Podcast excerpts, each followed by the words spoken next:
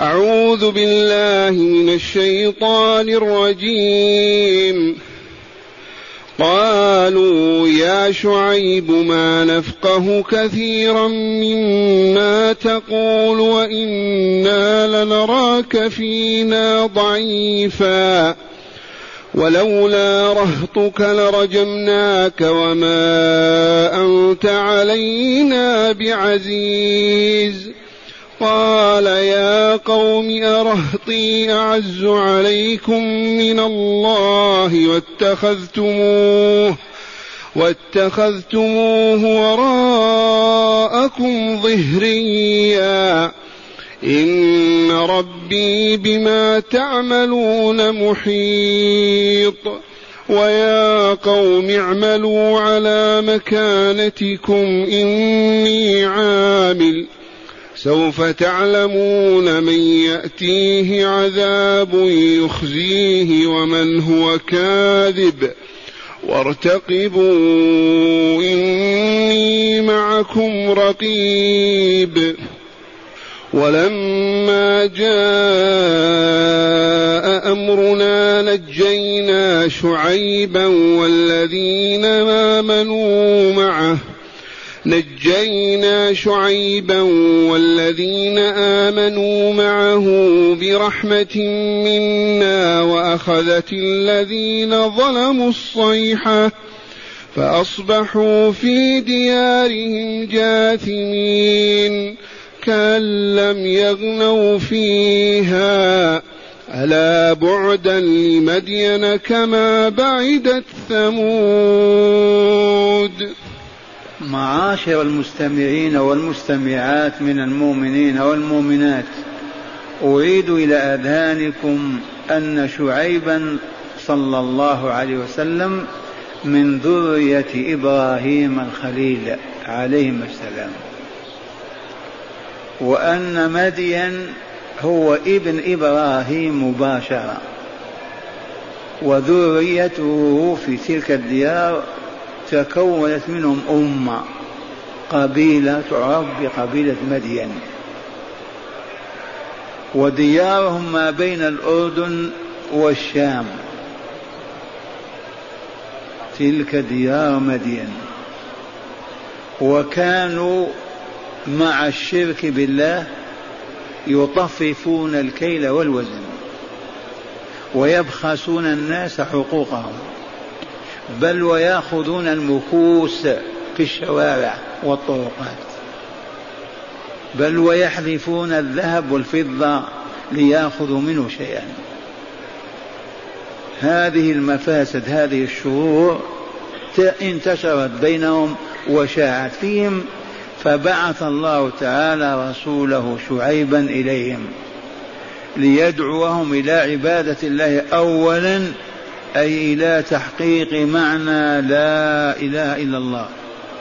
ثم بعد ذلك يستقيمون على منهج الحق وهو شريعة الله القائمة على بيان الحلال والحرام والنهوض بالواجبات والتخلي عن المحرمات. إذ هذا سبيل النجاة في هذه الحياة. وقال وقالوا وقال وقالوا ومر بنا هذا والآن قالوا يا شعيب هذه آخر أيامهم. يا شعيب بدل أن يقولوا يا رسول الله يا نبي الله قالوا يا شعيب. وتذكرون أنه لا يحل لمؤمن منا ولا مؤمنة أن يقول يا محمد. بل يجب أن يقول يا رسول الله أو يا نبي الله. وفي القرآن الكريم يقول تعالى لا تجعلوا دعاء الرسول بينكم كدعاء بعضكم بعضا. تقول يا عمر يا عثمان لكن ما تقول يا محمد أو يا أحمد بل قل يا رسول الله. إذا أن يعبدوا الله وحده ويتخلوا عن تلك الجرائم والموبقات التي يتعاطونها ليل نهارا فردوا عليه قالوا يا شعيب ما نفقه كثيرا مما تقول. هذا أسلوب سخرية وإلا لا؟ واستهزاء وضلال وعمى. ما نفقه كثيرا مما تقول. مما تأمرنا به وتنهانا عنه وما تبين لنا من نتائج الطاعة ونتائج المعصية ما فقهنا في كثير من قولك. لما ما قالوا ما نعلم؟ قالوا ما نفقه لأن الفقه معرفة أسرار الشرع بخلاف العلم. الفقه معرفة أسرار العبادة أو العمل أو التشريع. ما نفقه أسرار ما تقول. نفهم أقيموا الصلاة اتركوا عبادة غير الله لكن أسرار ذلك ما ما بلغنا ما فقهنا. قالوا يا شعيب ما نفقه كثيرا مما تقول. أولا ثانيا وإنا لنراك فينا ضعيفا. لا وزن لك ولا قيمة. وقد أكثرت من طعننا ونقدنا و ولولا رهطك لرجمناك. وعرفنا الرهط فيما تقدم قبيلته الذين يحمونه ويتولونه الجماعة التي تنصره. ولولا رهطك لرجمناك. والرجم يكون بالحجارة وكانوا يقتلون بهذا الأسلوب يضعون الشخص في مكان ويرمون بالحجارة حتى الموت. لرجمناك ثالثا وما أنت علينا بعزيز أي بممتنع. نحن قادرون على إنهاء وجودك. للاستراحة منك. ولكن نظرا إلى رجالك من رهطك نحترمهم أو حتى لا نقع بينهم في حرب بيننا وبينهم. لولا ذلك لرجمناك وما أنت علينا بعزيز أي بممتنع وقوي قادر. هذه كلماتهم. رد عليهم شعيب قائلا قال يا قوم أرهطي أعز عليكم من الله؟ هذا الاستفهام إنكاري كيف يكون هذا؟ رهطي جماعتي أعز عليكم أقدر أقوى من الله عز وجل؟ تخافونهم ولا تخافون الله؟ تهابونهم ولا تهابون الله؟ كيف يعقل هذا؟ أرهطي أعز عليكم من الله واتخذتموه وراءكم ظهريا.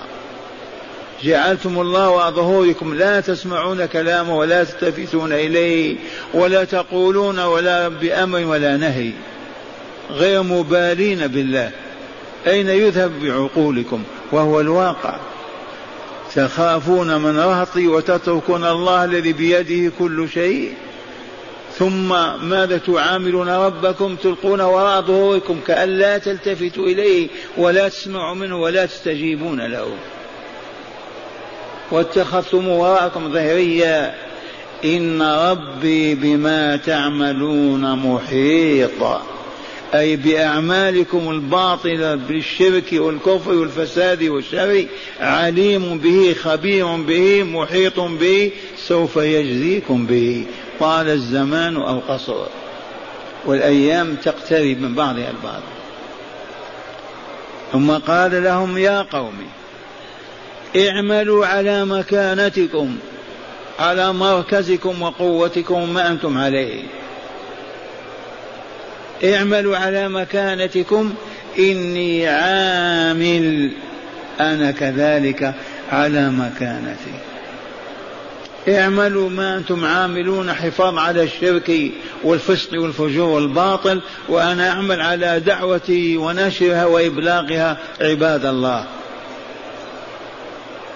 يا قوم اعملوا على مكانتكم إني عامل سوف تعلمون من يأتيه عذاب يخزيه من يأتي عذاب يخزيه ومن هو كاذب؟ سوف تعلمون هذا. وقد قربت الأيام. هذا في آخر أيامه. ماذا قال لهم يا قوم؟ اعملوا على مكانتكم للحفاظ على مركزكم وقوتكم ودولتكم و وأنا عامل كذلك. إذا سوف تعمل تعلمون من يأتيه منا أو أنتم. من يأتي عذاب يخزيه أي يذله ويهينه ومن هو كاذب في دعواه وقوله وما يقول ويعمل. أنا أم أنتم؟ وارتقبوا انتظروا إني معكم منتظر تلك الساعة. ارتقبوا تلك الساعة التي يذلكم الله فهو يخزيكم ويبيدكم ويدمركم وينجيني والمؤمنين ويسعدنا. ارتقبوا. ما بقي إلا أيام. هذا القول ممكن بعد عشر سنين. وارتقبوا إني معكم رقيب. قال تعالى ولما جاء امرنا ولما جاء امرنا ماذا فعلنا؟ نجينا شعيبا والذين آمنوا معه برحمة منا. كأنما استلهم هكذا من الشعر من العجين. أمرهم أن يخرجوا ما إن غادروا المنطقة أو البلد وأصاب الآخرين ما أصابهم. ولما جاء أمرنا نجينا شعيبا والذين آمنوا معه برحمة منا وأخذت الذين ظلموا الصيحة فأصبحوا في ديارهم جاثمين. ويروى أن هذه الصيحة صيحة جبريل. ما إن صاح فيهم خرجت القلوب لصقت بالحناجر وجثموا على ركبهم كالبهايم. صيحة واحدة. بعد دعوة دامت سنين وهم يتمردون ويتغالون في الشر والشرك والباطل والفساد. هكذا يقول تعالى مخبرا عن نهاية هذه القصة.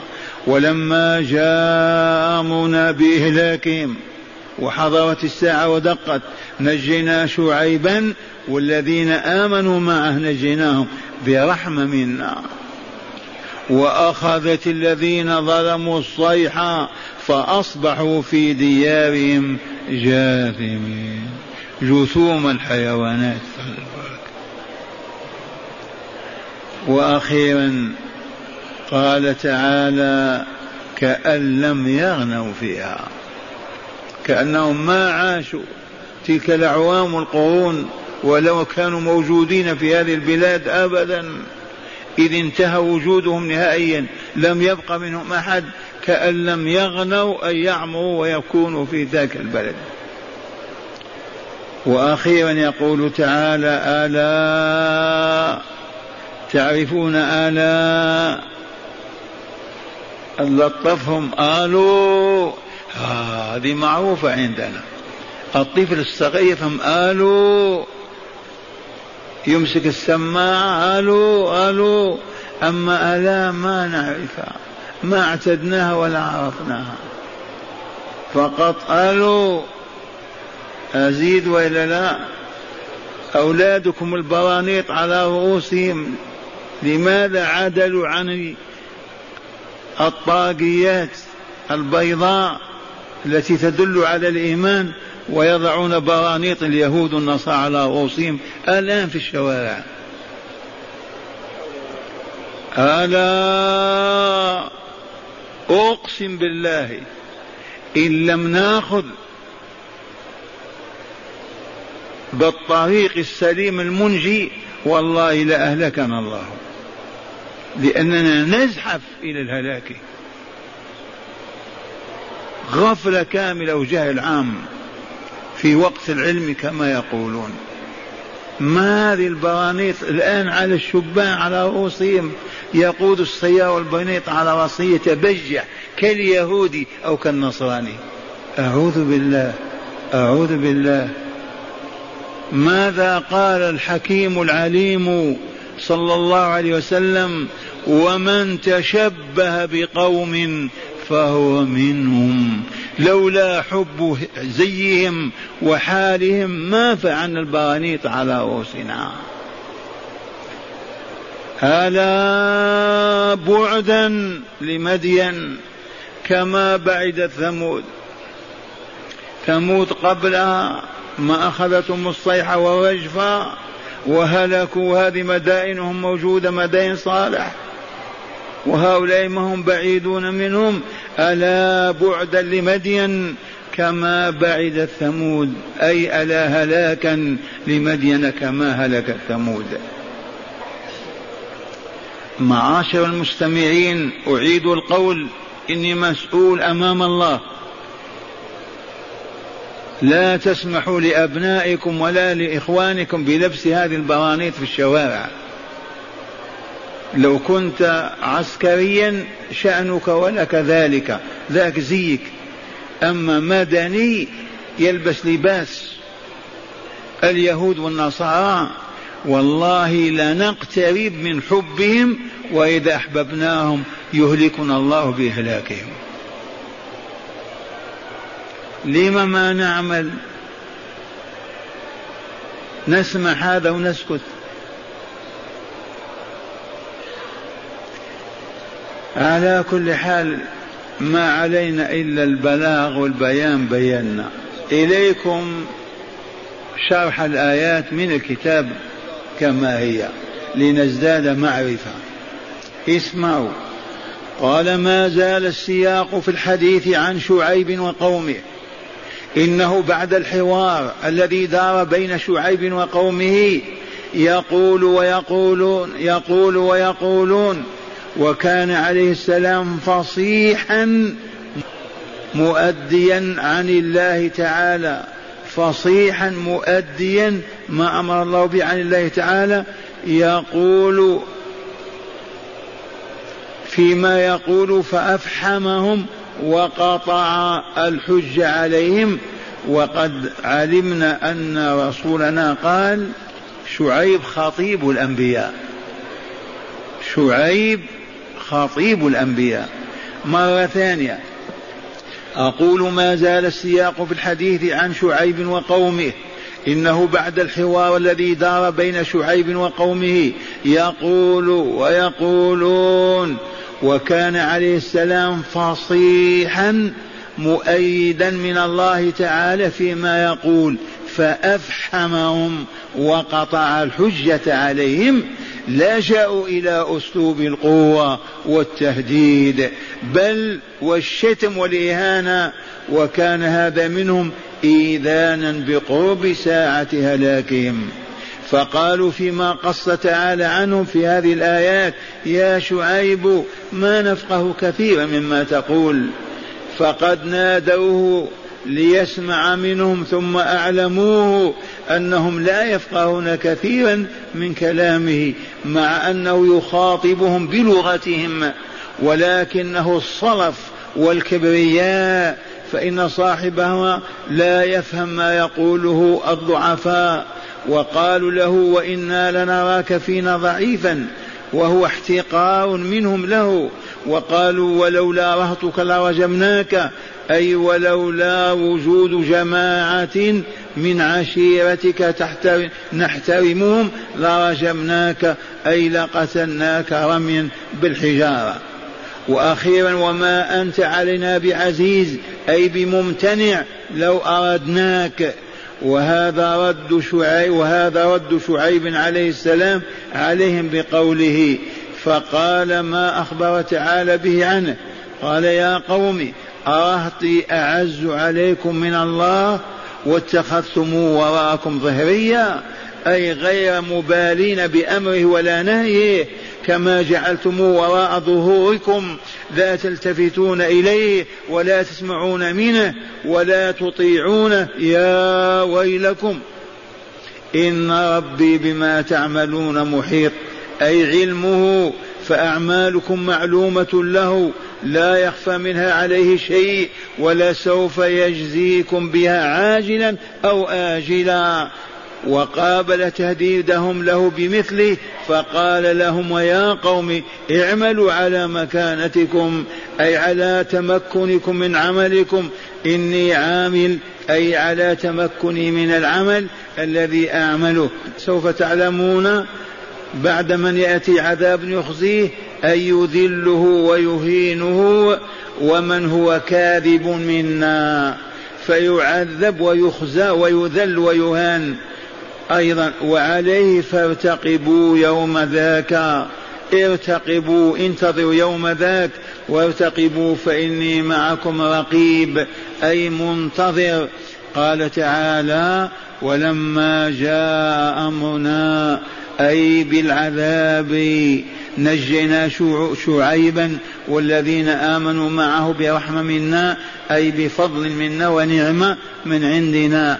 وأخذت الذين ظلموا أي بالشرك والعصيان أخذتهم الصيحة أي صيحة العذاب التي ارتجفت لها قلوبهم وانخلعت فبركوا على ركبهم جاثمين هلكا لا يتحركون.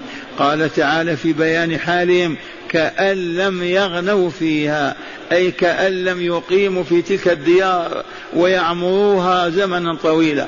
ثم لعنهم فقال ألا بعدا لمدين بعدا لها من الرحمة وهلاكا كما بعدت قبلها ثمود وهلكت والعياذ بالله تعالى.